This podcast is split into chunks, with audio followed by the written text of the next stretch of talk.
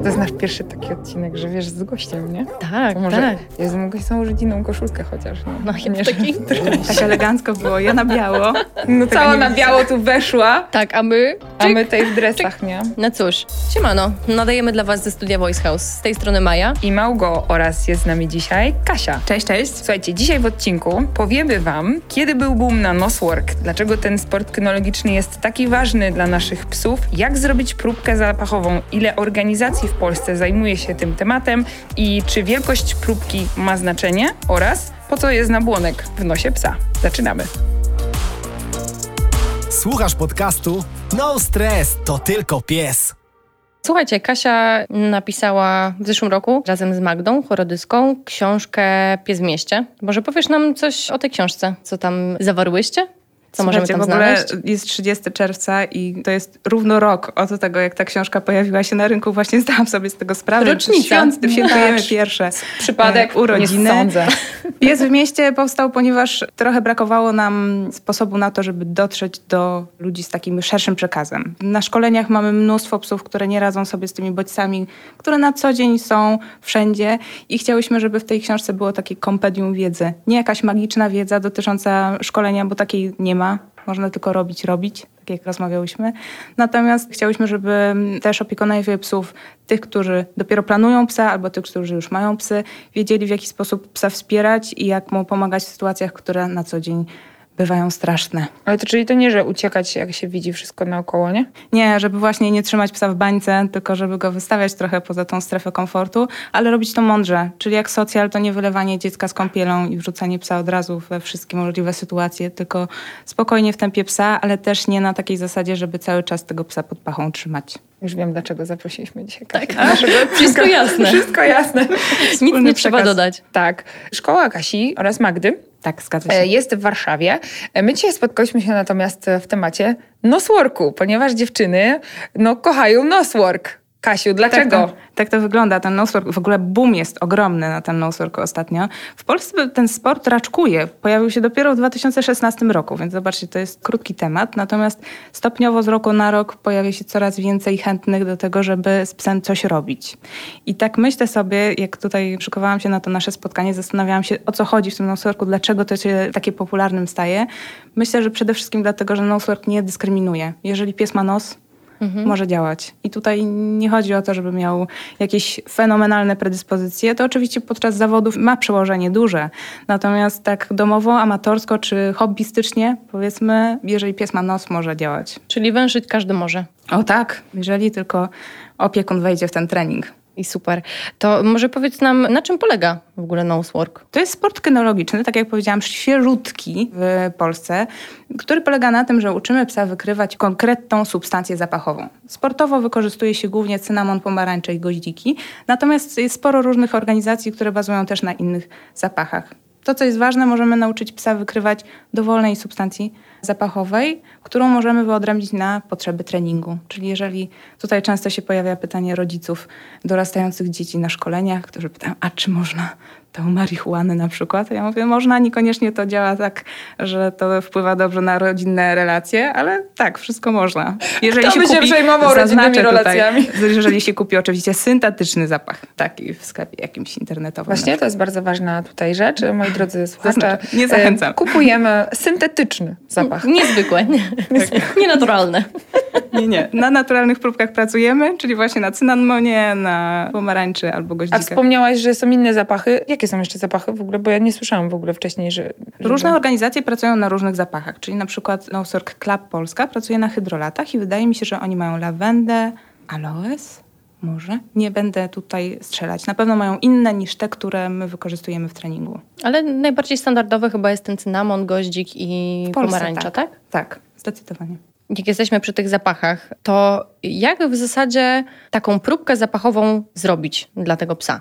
Wiesz, bo tu umówmy się, że będą osoby chciały to też w domu zrobić, ogarnąć Jasne. sobie, no bo to nie trzeba chodzić na zawody i wszędzie Mhm. gdzieś tam, żeby robić noswork z psem, prawda? Więc Tak, tutaj... to absolutnie macie rację, można to robić domowo i w ogóle zachęcam do tego, żeby robić to w domu, ale też wychodzić poza ten dom, ponieważ dla psa to się staje po prostu nudne, jeżeli siedzimy w tym domu czterech ścianach i robimy to na tych samych przedmiotach.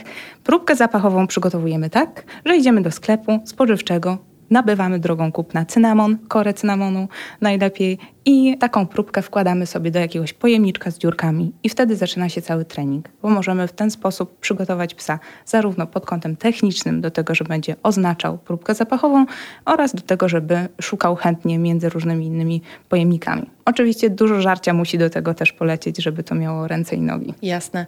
Czy tą próbkę trzeba w jakiś specjalny sposób przechowywać, czy ona tak jak raz ją zrobimy, to już będzie mogła nam służyć na wszystkie treningi? Jeśli chodzi o przechowywanie próbek, to jest to istotne pod względem takim, żeby ona nie wietrzała, więc ja zachęcam do tego, żeby taką próbkę zapachową trzymać w jakimś słoiku czy pojemniku takim, który nie przepuszcza za dużo powietrza, żeby nie traciła na wartości. A, no to w Próbka. Warszawie nie będzie z tym problemu, bo tu macie dużo słoików. Pod dostatkiem. Słoików dużo tak, mamy w co pakować samo. Także to jest ważne. Jeszcze tylko jedną ważną rzecz powiem. Pies nie powinien mieć kontaktu z cynamonem poza kontekstem szkoleniowym. Jeżeli mamy w takim razie jakieś stroiki na gwiazdkę albo, nie wiem, wiszą nam cynamony na choince, to odbieram wam tym samym święta. Nie można tego wieszać, ponieważ dla psa to będzie po prostu bardzo mylące. Piesek będzie stał i oznaczał. Tak Czyli to, że choinkę. wyjeżdżam po prostu na święta zawsze i nie mam nawet w domu choinki, to dobrze. To teraz nie będę piesku Rozwiązuje mylić. ci całkowicie problem. Widzicie, czyli jeżeli ktoś ćwiczy ze swoim psem i używa cynamonu, no to bardzo proszę na święta po prostu wyjechać i nie mieć cynamonu na święta. i cynamonu, cynamonowej herbatki, cynamonowych balsamów do ciała, to wszystko jest trochę takie mylące dla psa, zwłaszcza na tym początkowym etapie szkolenia, więc warto tutaj zadbać o taką sterylność i te próbki trzymać daleko od psa. Żeby nie miał dostępu, no bo pies w pewnym momencie, bo ja też trenuję z moim psem Mousework Mhm. i właśnie się przygotowuję do testów zapachowych. Świetnie. Tak, i moja suka już kocha zapach na tyle, że potrafi zostawić piłkę, którą ją nagrodziłam i wrócić do zapachu. Super. Bo Tak jest bo to tak fajne. kocham e, węszyć, bo tak jej to połączyłam z dużą ilością jackpotów, z dużą ilością Mhm. takich emocji dobrych. Więc na tym to polega, że pies potem docelowo robi to dla fanu i dlatego, żeby używać Dokładnie. tego nosa, nie? To widać, jak dajesz psu nagrodę, na przykład też karmę, nie? Nie zjada do końca karmy, już leci. Mhm. Dalej, robić, robić. Tak, tak. węszyć. To wy też pracujecie na takich aktywnych pieskach, które chcą robić. O, zdecydowanie. Chociaż wiecie, ja myślę, że tak jak powiedziałam o tym, że Nosework nie dyskryminuje. Ostatnio mam na szkoleniach taką 14-letnią sukę, która przyszła na szkolenie grupowe i tak nie za bardzo wiedziała, czego od życia chce. Już jej nie za bardzo chciała, a teraz jest takim dzikim dzikiem na tych treningach i tak bardzo chce e, Ja chyba pracować. widziałam u was na Insta, wrzucaliście Bardzo chyba. możliwe. Korę pozdrawiam w każdym razie. Ale super. Naprawdę bardzo to jest rozwijające i takie uruchamiające psa również takiego starszego. Więc myślę, że tutaj... Fajnie, bo to nawet starsze psiaki mogą sobie śmigać, świetnie się bawić. Tak. Z lękliwymi psami to jest też bardzo dobre, jak się z nimi pracuje węchem, bo one wtedy Fajnie, czują, że mają siebie, nie? jakąś misję i też dużo pewności siebie, bo też umieją lepiej tym nosem operować, nie? Tak, i ten cały system poszukiwania się uruchamia, więc to redukuje to napięcie. Niemniej jednak trzeba też ostrożnie do tego podchodzić, czyli jeżeli mamy takiego lękusa, który boi się samego widoku puszki, czy słoika, czy jakiegoś dziwnego przedmiotu, no to trzeba oczywiście tę metodę do psa dobrać, a nie psa do metody. To tutaj się też widzę, Tak. zgadzam. Nie, no musimy chyba na Uniwersalne. jakieś piwo iść potem, bo... 100%. Czy czegoś potrzebujemy jeszcze do tego treningu oprócz próbki zapachowej? Ja zachęcam w ogóle do tego, żeby być takim śmieciarzem. Czyli jak kurier nam przynosi buty albo przynosi jakieś paczki, to nie wyrzucamy tych kartonów, które normalnie lądują w śmietniku, tylko sobie to zbieramy i wykorzystujemy później do treningów. Bardzo ważne jest to, to też wielokrotnie zaznaczam na szkoleniach, że nie ma niczego gorszego niż przyzwyczaić psa do jednego obiektu. Czyli jeżeli pracujemy sobie na puszkach czy słoikach, to pies później będzie cały czas łupał te słoiki. Czyli tutaj wchodzi generalizacja. Im więcej różnych obiektów do sprawdzenia, tym też większa sprawczość u psa, większa ciekawość w treningu i, i taka chęć do roboty. Także zbieramy różne rzeczy i sobie je wykorzystujemy później domowo do przeszukań albo gdzieś tam jak idziemy w teren, to też możemy sobie coś takiego podrzucić. To jak w ogóle tego psa nauczyć tego zapachu, żeby on wiedział, że ma szukać tego cynamonu? Ja zaczynam zazwyczaj od tego, że sprawdzam, na ile pies chce szukać żarcia. Jeżeli mamy motywację taką pokarmową, to jesteśmy w stanie sporo sobie zrobić pod względem tego, że pies później szuka zapachu samego, ale robimy to w taki sprytny sposób, że początkowo parujemy zapach z jedzeniem. Czyli jeżeli rozstawiam przeróżne pojemniki w sali treningowej na przykład, to pies szuka nie tylko płuca wołowego, kiełbachy jakiejś tam, ale też ta kiełbasa jest ukryta na próbce zapachowej. Jak tylko pies dociera do takiego źródełka zapachu, zżera kiełbasę i zaciąga cynamon, przez co poprzez to, że mają taki bardzo selektywny węch, są w stanie skojarzyć to, że ten cynamon, pomarańcza czy jakikolwiek inny zapach karmią. Tak? Więc w ten sposób budujemy sobie przede wszystkim motywację. Też zwróćcie uwagę na to, że zazwyczaj jest tak, w większości sportów czy treningów nawet posłuszeństwa, psy oferują nam kontakt taki, że się ustawiają frontem, że dużo robią przed nami, są nagradzane do paszczy bezpośrednio. W związku z tym tutaj chodzi nam o to, żeby trochę takiego szatana w psie obudzić, żeby on chciał odejść od przewodnika i chciał szukać i robić coś z nim, ale niekoniecznie tak, żeby bez przerwy pytać go o podpowiedź.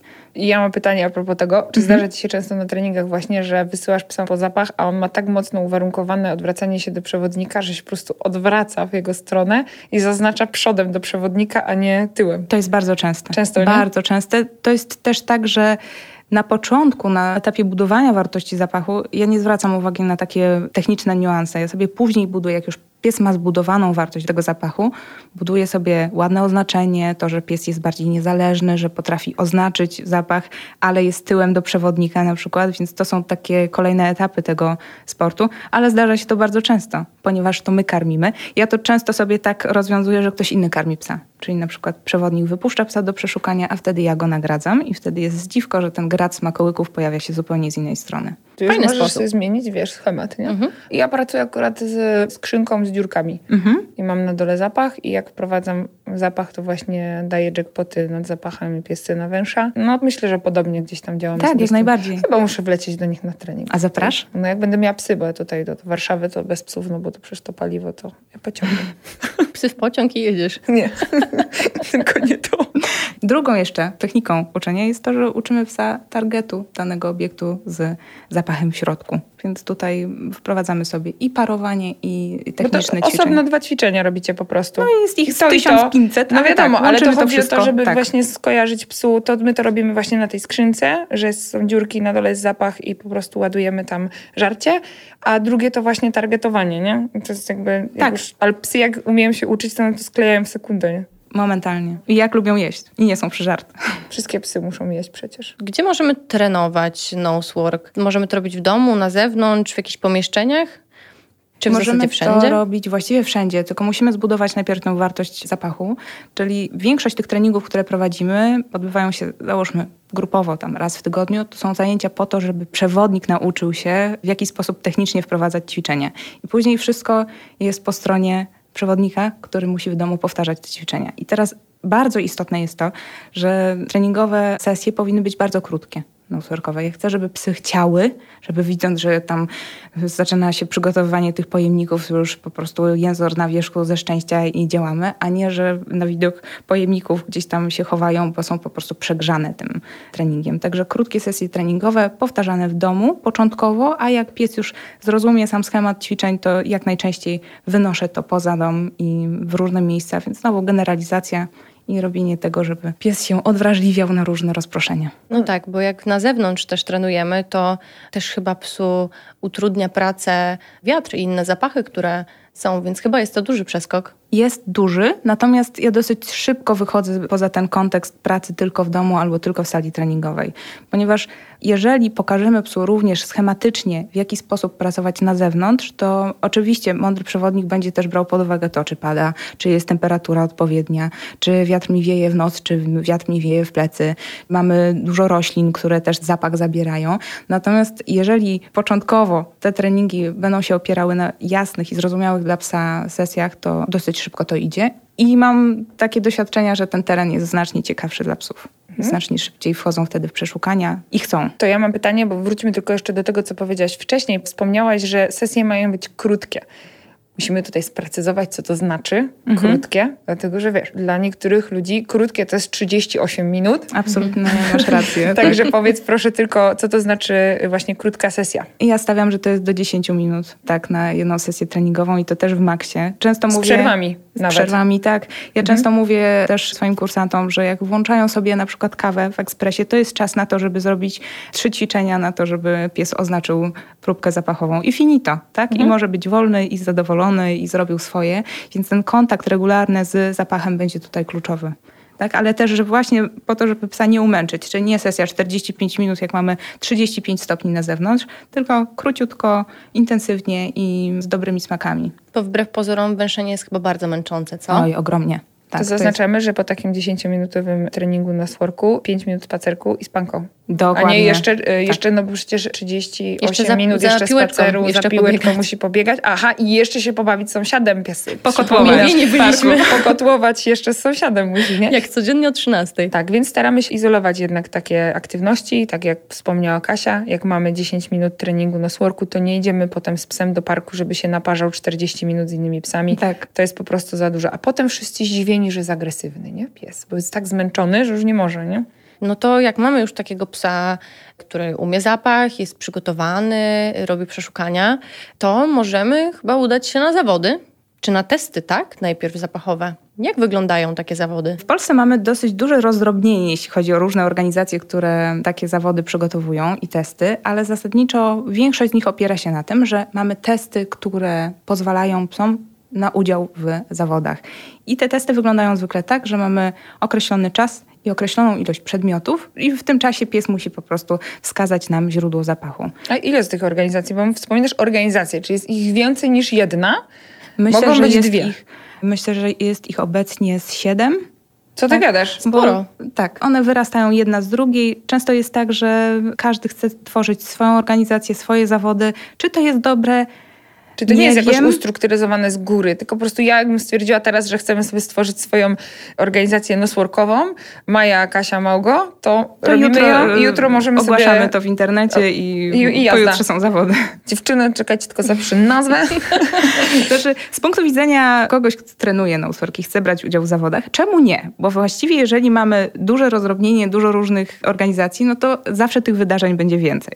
Natomiast nie ma takiej jednej klasyfikacji ogólnopolskiej, gdzie można rzeczywiście na jakimś takim wysokim poziomie rywalizować, no bo po prostu nikt nad tym Nie pieczy czuwa. nie trzyma. Okej, a powiedz mi, czy w tych wszystkich organizacjach są takie same zasady? Zasady... Bo wiesz, przygotowujesz sobie pod jakiś regulamin psa, no i masz inną organizację i tam na przykład masz zupełnie inne zasady. Są pewne różnice, natomiast nadal to jest tak, że pies wchodzi na ring, ma znaleźć próbkę, opiekun ma zgłosić, że pies oznaczył ten zapach i z tego ringu jak najszybciej mamy się zebrać. To Więc u was się też to ring nazywa. tak, na ring. I są różne poziomy tych egzaminów? Testy dla wszystkich są takie same, czyli mamy przykładowo w polskiej lidze Nosework 10 puszek, w jednej z nich znajduje się zapach. Pies ma dwie minuty na to, żeby ten zapach wskazać. Czy on się rozbiegnie po sali tym czasie, czy on wejdzie od razu w robotę, nie ma to żadnego znaczenia. Ma być to po prostu zrobione w ciągu dwóch minut i czytelne dla sędziego i dla przewodnika. Natomiast jeśli chodzi o zawody już, to one się dzielą zarówno poziomami, jak i kategoriami, czyli mamy tutaj kilka różnych elementów, które składają się na te zawody, czyli pies może na przykład przeszukiwać pojazdy, może przeszukiwać przedmioty, może przeszukiwać teren lub pomieszczenia. To są takie cztery najbardziej znane kategorie i one się dzielą, każdy pies wchodzi wtedy w swojej kolejności na ring i robi przeszukanie też w swoim czasie. W zależności od poziomu, czyli tutaj w klasy wchodzą trudności, mamy określony czas na to i też określony poziom trudności ułożenia próbek, bo tych próbek może być więcej niż jedna. Mogą być celowo ułożone zapachy zwodnicze, mogą być celowe zanieczyszczenia ringu, może być tak, że na ringu pojawi się na przykład woda albo coś, co będzie zgarniało zapach. No tutaj bardzo dużo zmiennych dochodzi, no ale oczywiście musimy psa pod to konkretnie przygotować. I najczęściej, żeby dostać się do kolejnej klasy, musimy zaliczyć przynajmniej dwa czyste starty, czyli takie, w których pies w określonym czasie znajdzie zapach i go oznaczy. Czysty start to nie jest takie, że piesek sobie biega po sali i się zastanawia? Nie bierze się Nie tego bierze pod się uwagę? tego pod uwagę. To jest Okej. taki start, w którym pies w określonym czasie znajdzie próbkę. Okej, i przykład. Wchodzę sobie na taką salę, Mhm. mam 10 puszek, mam testy zapachowe, nie? Puszczam mojego psa na zapach. Ja mam na to hasło zapach. Bardzo twórcze. No i mój pies po prostu podchodzi do puszki i nie wiem, w 3 sekundy mi znajduje zapach. No i pięknie. I to jest wszystko, tak? Musisz to zgłosić sędziemu w określony sposób, czyli Że albo podnosząc rękę, albo mówiąc słowo alarm.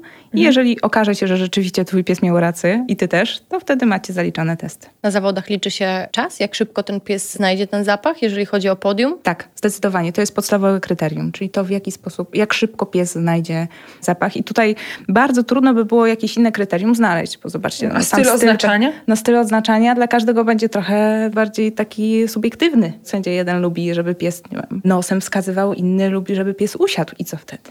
No, a inni jeszcze na przykład, żeby oszczekał. Albo szczekał. właśnie. Albo żeby To trochę- pazurami drapał. Właśnie tutaj jest... Czy takie- jest- nie, nie, nie. czy to chyba jest nie, ten? To nie jest Zakazane? Dobre. Jest to niewskazane, Mhm. ponieważ pies nie może uszkodzić próbki zapachowej na zawodach. Tak, a No takie właśnie. O, drapanie... to jest właśnie I teraz sobie wyobraź, ważne. Kasiu, że moja suka kiedyś przez przypadek zeżarła goździk i przez dwa miesiące jej wyciszałam to, że próbowała się dostać do próbki. A to jest Bo tak się podstawowy nagrodziła. problem, tak, Mhm. zżeranie próbek. Dlatego bardzo często w takim podstawowym etapie wykorzystujemy sobie na przykład metalowe puszki z dziurkami, do których ładujemy tam do środka zapach, albo jakieś słoiki, niesłoiki, różne przedmioty, które takie niezbyt smaczne są i trudno z nich wydobyć próbkę zapachową, więc z automatu psy niezbyt chętnie biorą coś takiego do paszczy. Czyli musimy uważać na chwytanie próbek Chwytanie, lizanie, podgryzanie. Tak, drapanie. Raczej jest tak, że no, chcemy, żeby pies wskazał ładnie nosem, ale też, żeby była jasność, sposób oznaczenia na zawodach jest dowolny. Więc tutaj to jest tak, że to my musimy odczytać ładnie psa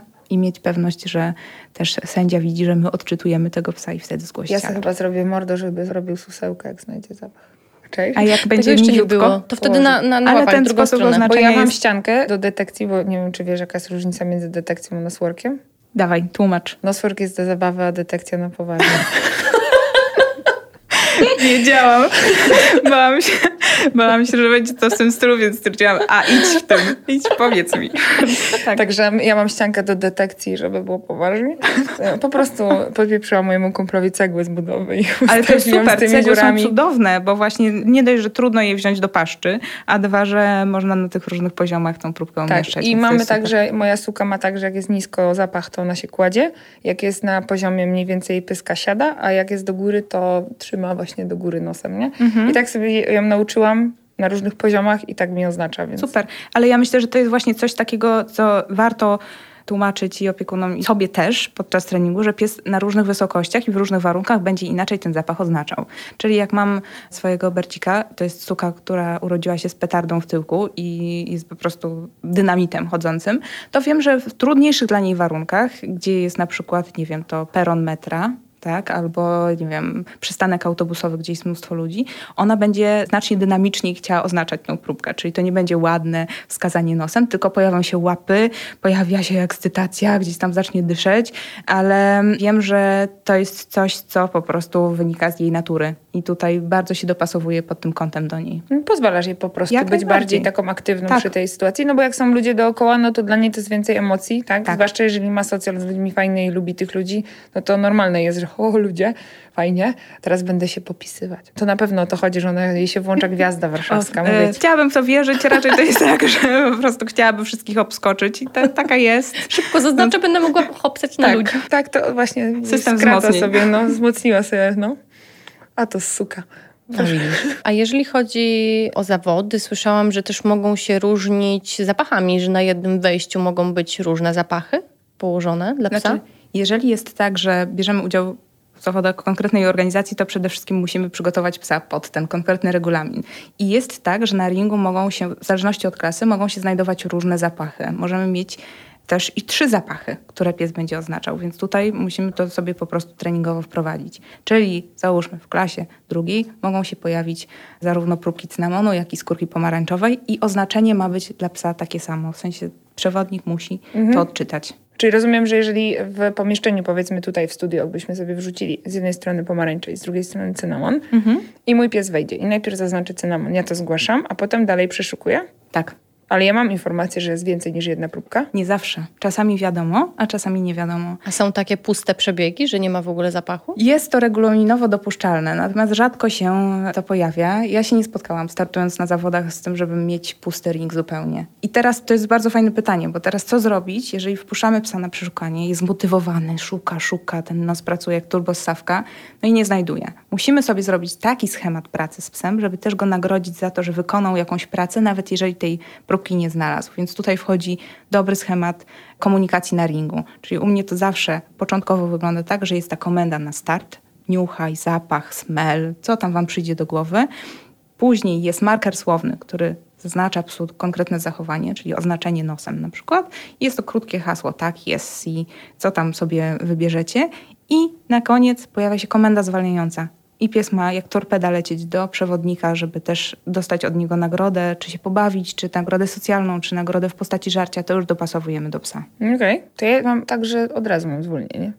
Czyli Czy marka mój- słownie jest zwolnieniem, tak? Tak, ona zaznacza, ja wiem, że tam jest i robię jej tak, że ona po prostu ma to przedłużone na tyle, że Mhm. mogę sobie gadać i w ogóle ona to trzyma, trzyma, trzyma, aż nie usłyszy po prostu kliknięcia ryjem i odchodzi wtedy To jest mnie. też schemat pracy, który sobie Mhm. zrobiłaś. Pytanie, czy masz kolejną komendę na kolejną próbkę, tak? Czyli na jakieś Y- zesłanie psa znowu do przeszukania. No, teraz mówię dalej zapach. Dalej zapach, Mhm, okej. Tak, To ona, tutaj ona wraca wtedy do, do, do, pracy. Mhm. No tak, ale mówię, jeszcze sobie jej na tak zawody stricte nie przygotowałam, żeby dokładnie wszystko, ale myślę, że po prostu do was przyjadę i mi powiesz, co mam z nią jeszcze zrobić dodatkowo, żeby z nią, wiesz, przećwiczyć, nie? Myślę, tak, że żeby umiała. y, warto w ogóle jeździć po trenerach różnych, ponieważ każdy coś tam podpowie. Tak, w treningu. Mhm. Więc myślę, że tutaj to jest taki sport, który daje nam ogrom możliwości i też zwróćcie uwagę na to, że każdy trener trochę inaczej te próbki ustawia.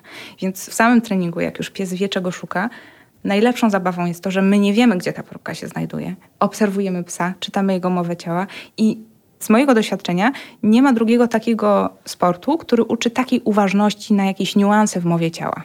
Zwłaszcza jeżeli mamy psa takiego zamkniętego w sobie, introwertyka, który tam nawet ogonkiem nie kiwnie, jak nagrodę dostaje, to jak zaczyna pracować na stożku zapachowym, to rzeczywiście te niuanse się pojawiają i znacznie czujniejsi jesteśmy w takim codziennym życiu, myślę, na psa. Okej. I ja mam pytanie w takim razie o stożek zapachowy. To też, żebyś powiedziała, cóż to jest takiego. No i teraz cofniemy się do lekcji fizyki, które średnio kochałam. W, Wychodzę. w podstawówce i, i później. Otóż to działa tak, że jeżeli sobie przykleimy próbkę zapachową gdzieś, na drzewie na przykład, to nie jest tak do końca, że ten zapach będzie wyczuwalny tylko na drzewie albo tylko na ławce. Tak? Im więcej czasu minie, tym bardziej wiatr będzie tę próbkę nam po okolicy rozwiewał i oczywiście ilość tych cząsteczek będzie zależna od tego, co się w otoczeniu pojawi. Czyli jeżeli na przykład przy drzewie będzie kałuża, to tam będą na tej wodzie się gęściej osadzać te cząsteczki zapachu.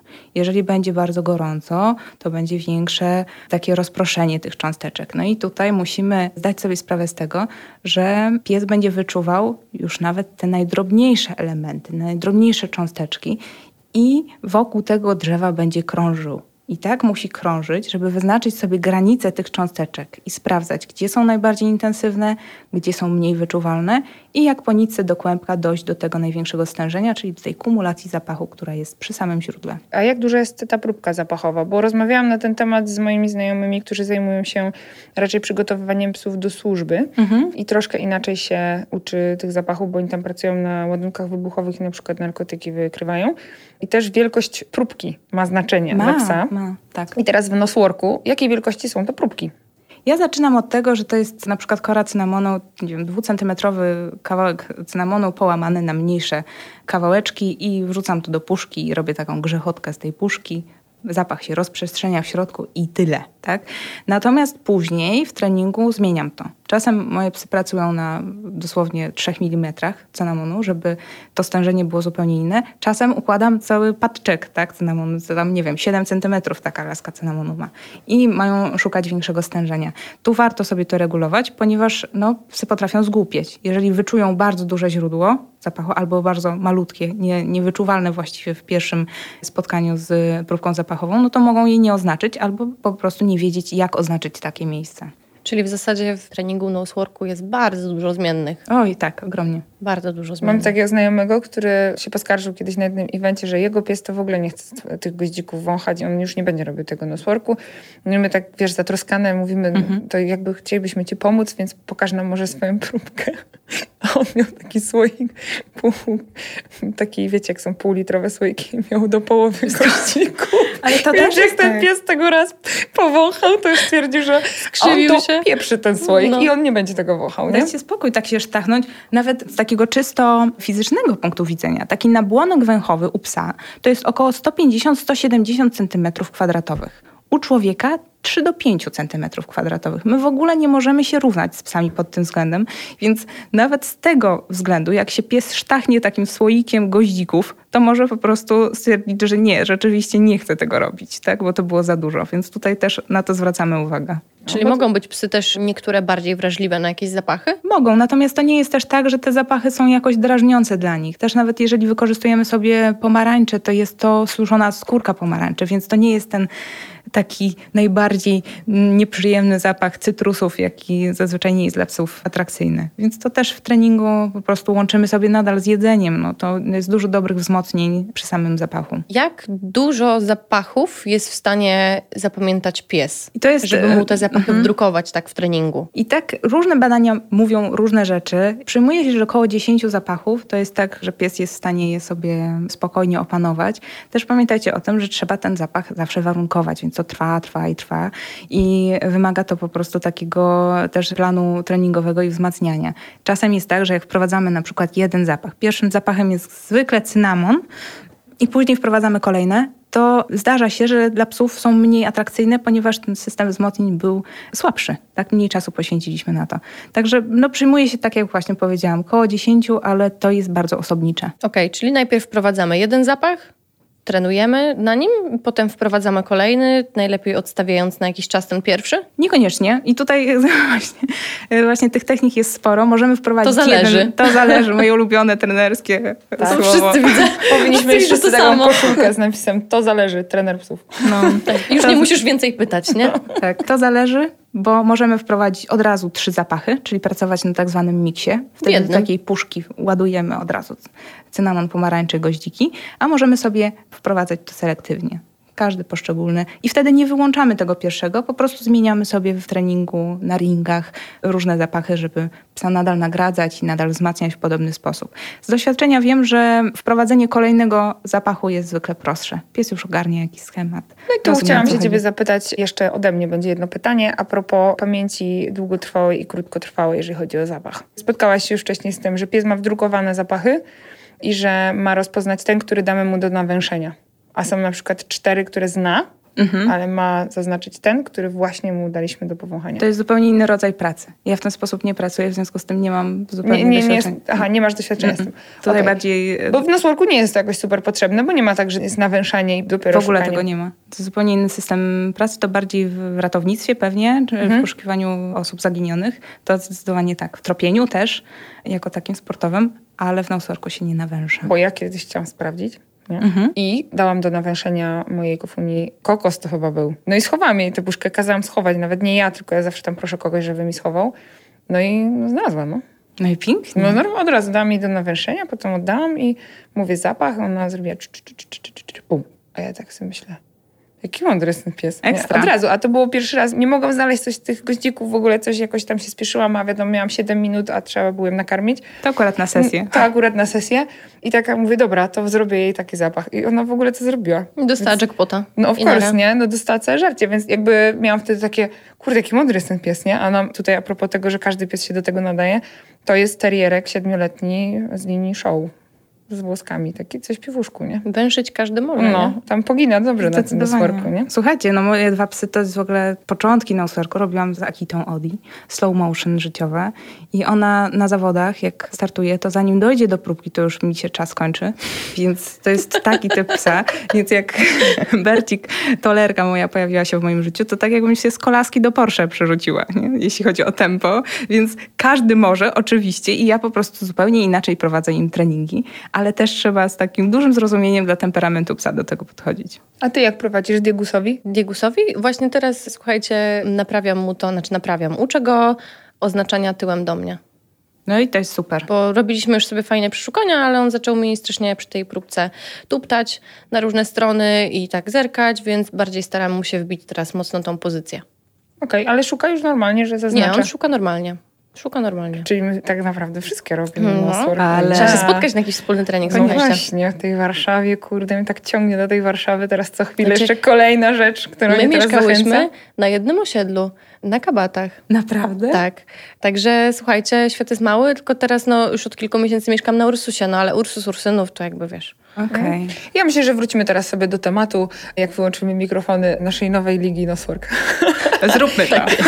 bardzo Ci dziękujemy, Kasiu. Dziękuję bardzo. To było super. Ja w ogóle jestem teraz dokształcona, te notatki zrobiłam tutaj. Tak, także dziękujemy Ci bardzo Dziękuję i bardzo. widzimy się na wspólnych treningach. Jest. Do zobaczenia. Dziękujemy za Twoją uwagę. Jednak zanim się rozłączysz albo posłuchasz kolejnego odcinka, zasubskrybuj i oceń No Stress to tylko pies w Spotify i Apple Podcasts. Zapraszamy również na stronę Voice House po więcej dobrej treści.